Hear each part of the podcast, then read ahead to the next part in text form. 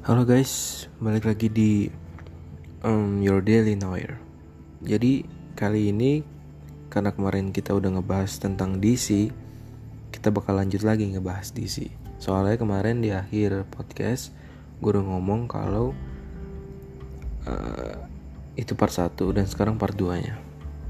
Mungkin kita buka karena kita kemarin udah ngebahas Justice League Snyder's Cut, terus The Batman, udah ngebahas sedikit tentang The Flash terus juga tentang CW atau Arrowverse.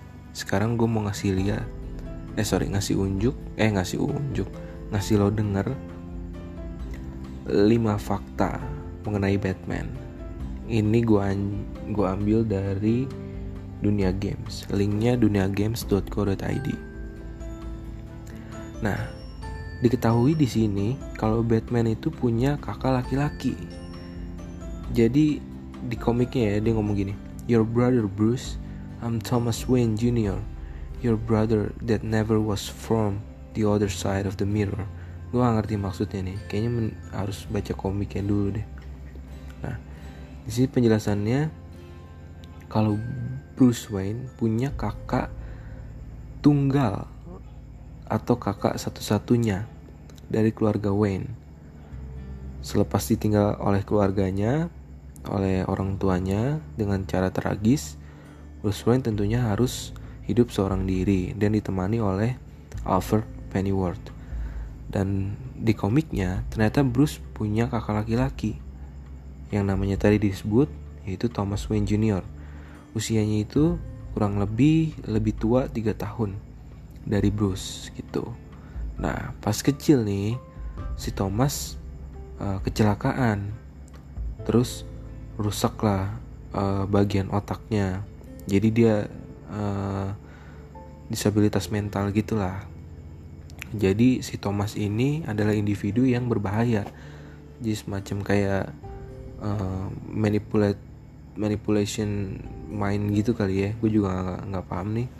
Jadi uh, untuk itu sama keluarga Wayne ditaruh di rumah sakit jiwa gitu di Willwood dan mengubah nama belakangnya menjadi Willwood gitu. Jadi Thomas Willwood kali ya. Ini agak creepy juga nih karena kalau lo lihat bentukannya di sini aneh mukanya.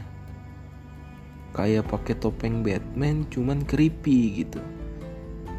Oke lanjut. Selanjutnya itu ya kayak yang lo udah tahu kalau Bruce Wayne itu fobia kelelawar.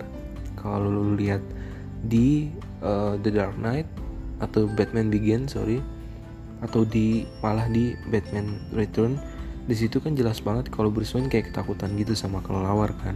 Yang akhirnya kalau di Batman Returns itu The Riddler itu akhirnya tahu kalau Bruce Wayne ini uh, adalah Batman. Karena dari karena dia berpikir kalau misalkan ah masa iya seorang miliuner punya fobia terhadap kelelawar gitu. Ya siapa lagi kalau dia itu bukan Batman gitu. Nah di sini penjelasannya dari awal kita udah tahu dong kalau namanya Batman yaitu adalah manusia kelelawar.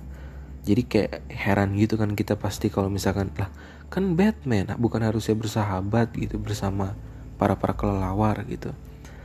Tapi yang bikin menarik Bruce ternyata memiliki fobia terhadap nokturnal tersebut Hingga akhirnya ia membuat berbagai peralatan canggih, kostum, hingga mobil yang memiliki bentuk menyerupai kelelawar untuk melawan rasa takutnya tersebut. Mungkin secara perlahan rasa takutnya itu hilang kali ya, kayak uh, itu adalah sebuah cara dia untuk mengatasi ketakutan tersebut gitu.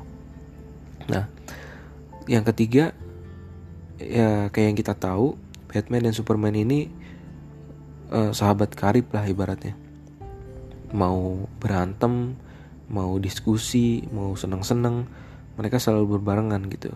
Nah Batman ini ternyata memiliki hubungan dengan Superman itu nggak cuman saat mereka dewasa gitu. Jadi pas uh, keduanya belum lahir atau sama-sama sudah lahir cuman masih bayi jadi bokapnya Clark Kent bokapnya Kal-El bokapnya Superman pernah ngirimin kayak semacam signal atau telegram ke Thomas Wayne.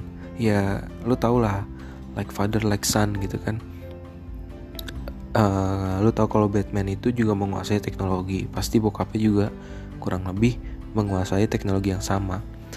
Pokoknya kalau di film Batman versus Superman Dawn of Justice itu lu lihat banget kan kalau betapa rumitnya hubungan Bruce Wayne dan Clark Kent gitu ya dikisahkan juga kalau mereka itu saling berkelahi dan saling menjatuhkan satu sama lain. Padahal dalam satu uh, kesempatan mereka juga saling membantu untuk uh, take down musuhnya gitu. Bersama-sama lewat Justice League gitu. Dan tokoh penengah antara mereka berdua ini yang gue lihat di sini adalah Wonder Woman gitu. Mau di kartun mau di live action. Nah padahal jauh sebelum itu kedua ayah mereka yaitu Thomas Wayne dan ayah kandung Clark Kent dari planet Krypton namanya siapa ya? Jor-El kali ya kalau nggak salah. Saling berkomunikasi. Hal ini diketahui lewat seri komik Superman di mana ayah kandung Clark melakukan komunikasi dengan Thomas untuk mengirimkan anaknya ke bumi. Nah herannya kenapa si Clark Kent ini si Kal-El ini malah mendarat di uh, apa farm farmer house gitu ya gak sih? Kayak di Smallville gitu. Kenapa nggak di kediamannya Wayne? Apakah belum apakah tidak tepat sasaran gitu?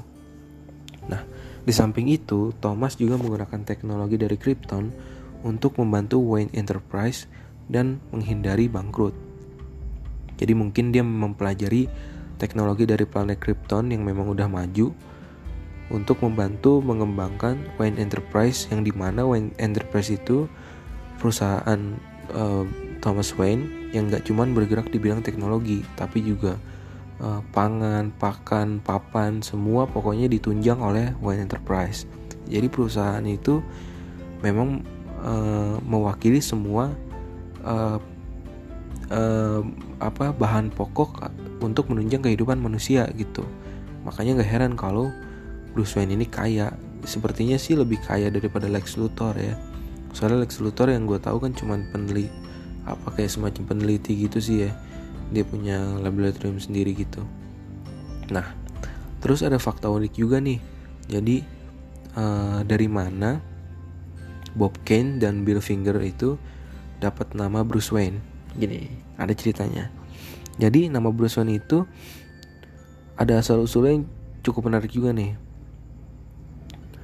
nah awalan Bruce itu berasal dari nama prajurit Skotlandia King Bruce I of Scotland yang memimpin perang untuk kemerdekaan Skotlandia.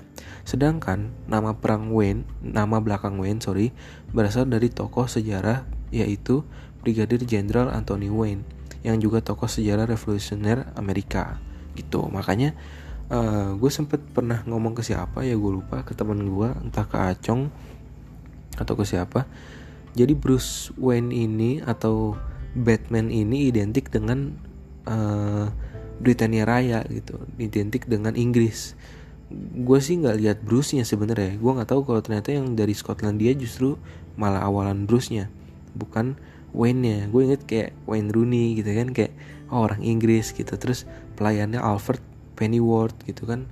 British British accent gitu kan. Jadi gue mikir kayak ah mungkin dia dari Inggris gitu sebetulnya.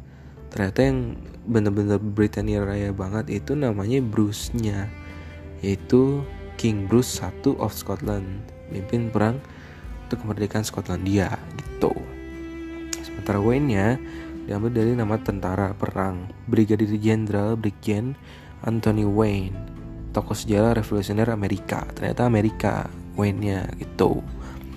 Nah satu lagi fakta menariknya nih kalau Bruce Wayne itu adalah pemilik dari The Daily Planet.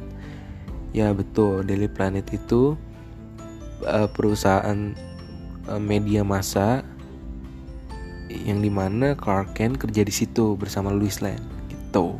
Nah, Bruce Wayne ini ternyata ngebeli perusahaan The Daily Planet gitu.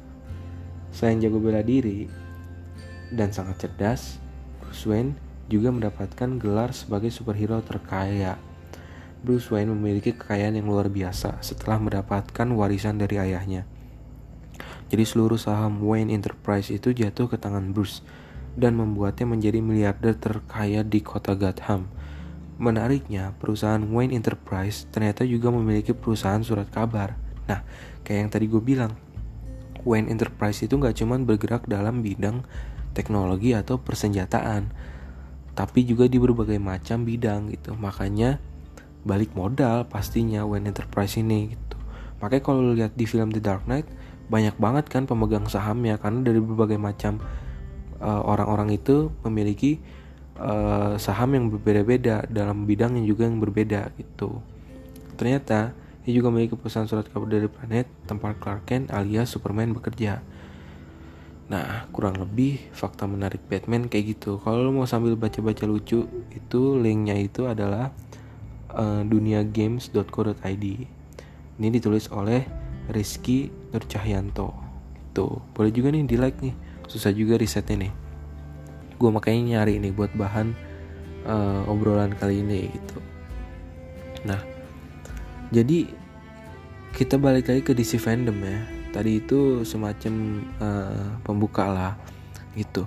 Terus DC fandom ini melalui Kompas ini ada penjelasannya karena kalau gue ngejelasin sendiri agak ribet.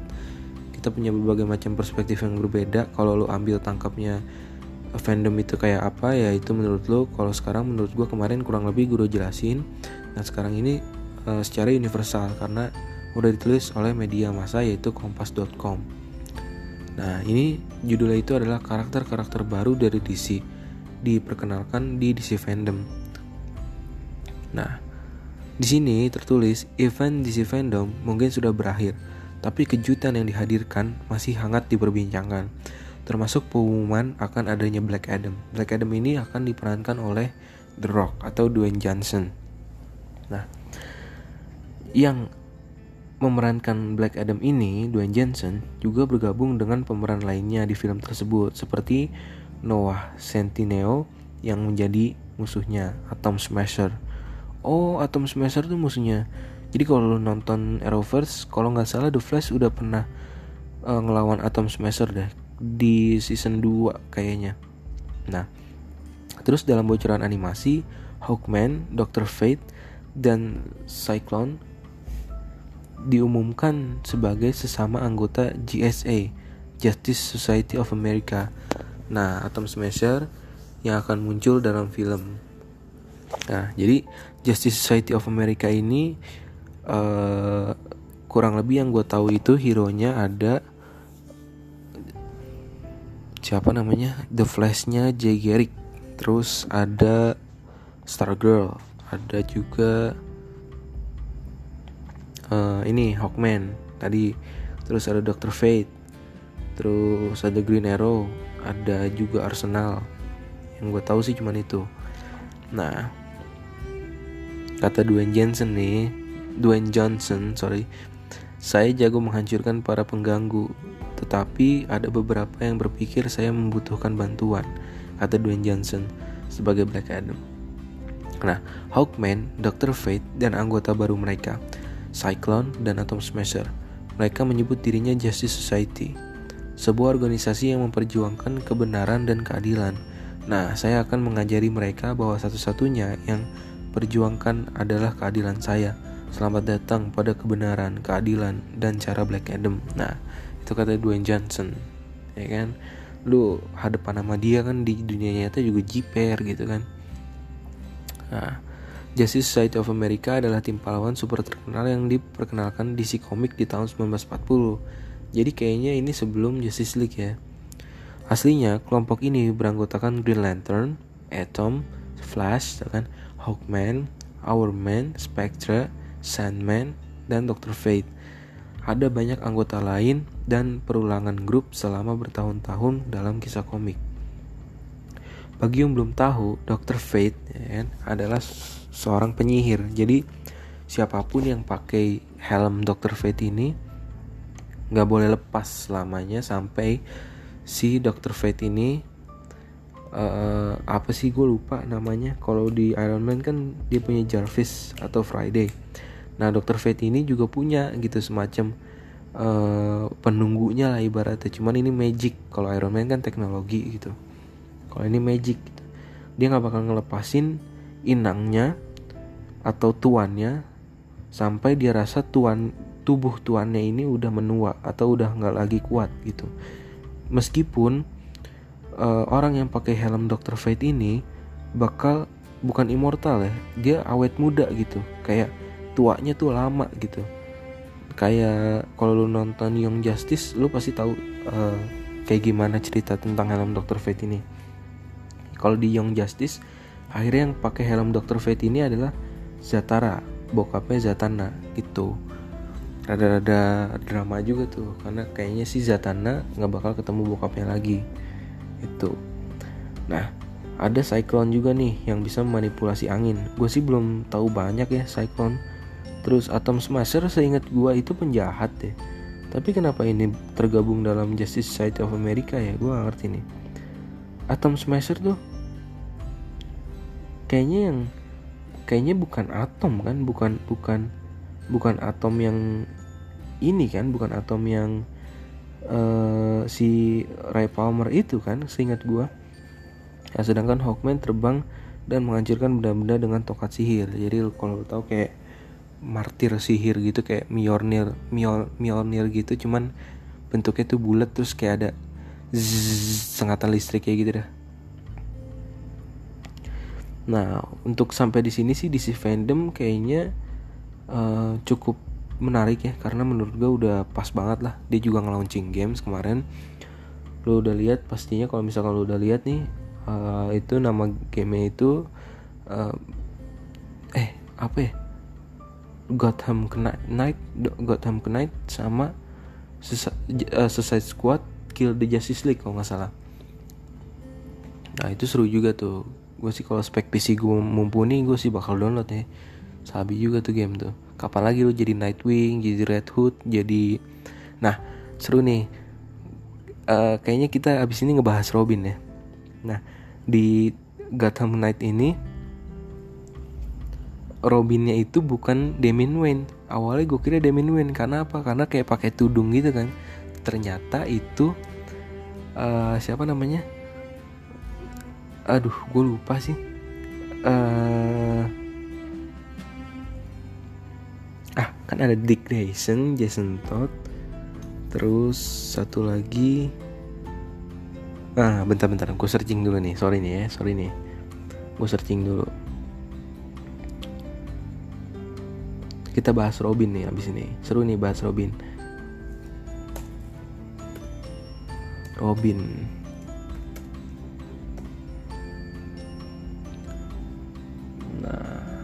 ada kok di sini nggak ada sih?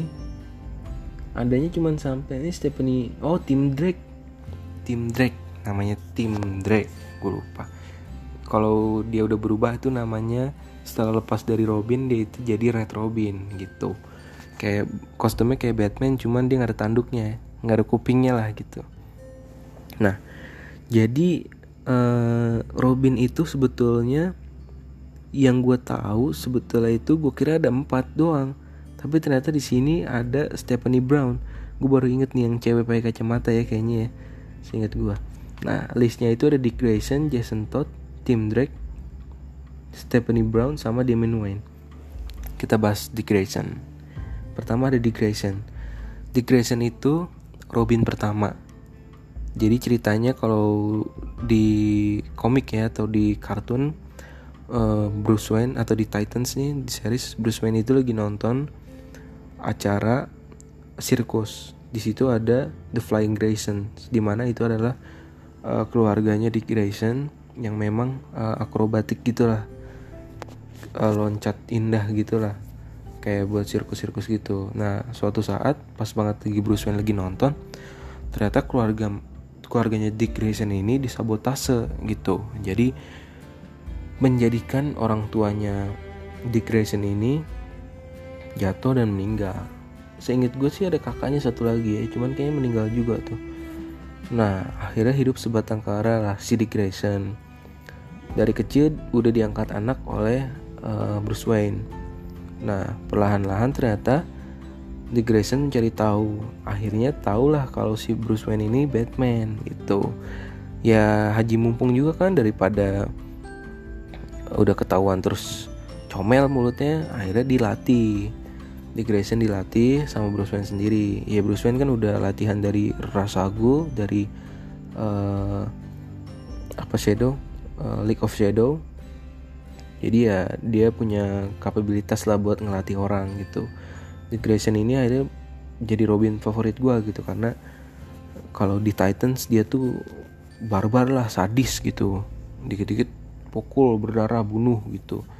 Meskipun Batman bilang uh, justice not vengeance gitu kalau di kartun ya. Tapi di Grayson yang di Titans ini brutal. Lu kalau nonton Titans lu nggak bisa nyaksiin atau lu nggak bisa dapetin karakter di Grayson yang lempeng-lempeng aja yang lucu itu lu nggak bakal dapet. Kayak di kartun gitu yang ceria lu nggak bakal nemu. Di Grayson yang ada di Titans itu di Grayson yang pemarah, yang dewasa, yang udah tahu uh, baik dan buruk dan juga kesel sama Batman. Dia dia sorry. Dia ngeras, ngerasa ada di bayang-bayangnya Batman gitu. Padahal mah kalau gue pikir ya lu nggak tahu diri boy gitu. Lu udah di sekolahin, udah dilatih, udah jadi udah kaya gitu lu nggak tahu terima kasih banget gitu sama Bruce Wayne kalau memang karena apa yang gue kesel pada akhirnya setelah Bruce Wayne uh, lagi libur jadi Batman, Dick Grayson yang jadi Batman kan aneh gitu. Sementara lu dulu mau lepas dari bayang-bayang Batman gitu. Itu sih yang gue bingungin dari Dick Grayson cuma di situ. Yang lebih kerennya lagi pas dia udah jadi Nightwing itu wah favorit gue sih gila. Nah lanjut yang kedua itu ada Jason Todd. Menurut cerita yang beredar Jason Todd itu uh, ketemu sama Batman itu pas Batman lagi parkir di suatu gang gitu kali ya di Gotham. Terus Jason Todd ini pengen nyuri mobilnya. Tapi susah karena securitynya gila. Security mobilnya gila keamanan mobilnya. Jadi dia memutuskan untuk nyolong peleknya. Dia lagi nyopot pelek nih ya kan? Tiba-tiba Batman nongol. Nah lo kaget. Akhirnya diajak ke uh, ke kuil eh ke kuil ke Batcave gitu mungkin ke Wine Manor dulu sih ya kayaknya. Sorry. Nah setelah itu setelah seiring berjalannya waktu Jason Todd juga dilatih oleh Bruce Wayne itu nah Jason Todd ini jadi Robin yang independence yang kalau lagi action maunya dia pukul mau tusuk. Nah berbedanya dengan brutalnya Dick Grayson, Robinnya Dick Grayson di sini adalah kalau Dick Grayson pas lagi sama Batman itu tertib. Jadi dia ngikutin omongannya Batman. Nah, itu sebabnya kenapa Dick Grayson memutuskan untuk cabut dari Batman karena dia udah muak uh, ada di bayang-bayang peraturannya Batman. Gitu. Nah, Jason Todd nggak bisa kayak Dick Grayson. Ya memang dasarnya anak jalanan. Ya lu pikir lah udah pasti barbar gitu kan. Nah, terus Jason Todd ini jadi satu-satunya Robin yang sadis. Memang dia udah sadis gitu. Kalau di sini penjelasannya Jason Todd is a fictional character appear in American comic books published by DC Comics, commonly in association of with Batman. He is the second character to assume of role of Robin and the second character to take up the Red Hood alias Robin Jason Todd gitu. Nah, akhirnya Singkat cerita Jason Todd diculik atau dia dijebak sama Joker. Nah akhirnya si Jason Todd ini dipukulin, disandra, disiksa, mati karena meledak. Yang gue nonton di Under the Red Hood kan meledak tuh kayak semacam gudangnya gitu yang gak keselamatkan lah gitu. Batman meskipun udah lari atau udah se udah berusaha secepat mungkin ternyata tetap terlambat. Nah, uh, eh, gue nggak tahu ya yang ngambil mayatnya siapa yang jelas bukan Batman yang nyelupin mayat Jason Todd ke dalam Lazarus Pit jadi Lazarus Pit itu adalah semacam kolam gitu di mana digunakan oleh Ras Al Ghul untuk uh, dirinya agar awet, awet muda gitu. Nah itu juga konon katanya bisa menghidupkan orang yang sudah mati. Tapi uh, tergantung ilmunya gitu. Maksudnya tergantung nggak tahu tergantung ilmunya atau tergantung takaran atau orangnya juga. Beruntung Jason Todd ini dan itu kalau misalkan mayat Jason Todd kan pemarah memang udah pemarah pas hidup. Nah dicemplungin ke Lazarus Pit akhirnya dia jadi semakin pemarah. Begitu dia udah hidup kembali dia brutal loncat sana loncat sini kabur akhirnya. Nah dia menemukan identitas baru yaitu Red Hood. Itu. Nah sampai di sini dulu sih pembahasan gue ya jadi ini kita cut di Robin ya. Pas banget nih Robin Jason Todd besok kita bahas uh, ketiga Robin lagi. Yaitu ada Tim Drake ada Stephanie ada juga uh, Damian Wayne. Stephanie siapa? Stephanie Brown. Nah untuk itu gue pamit undur diri. See you on the next episode. Bye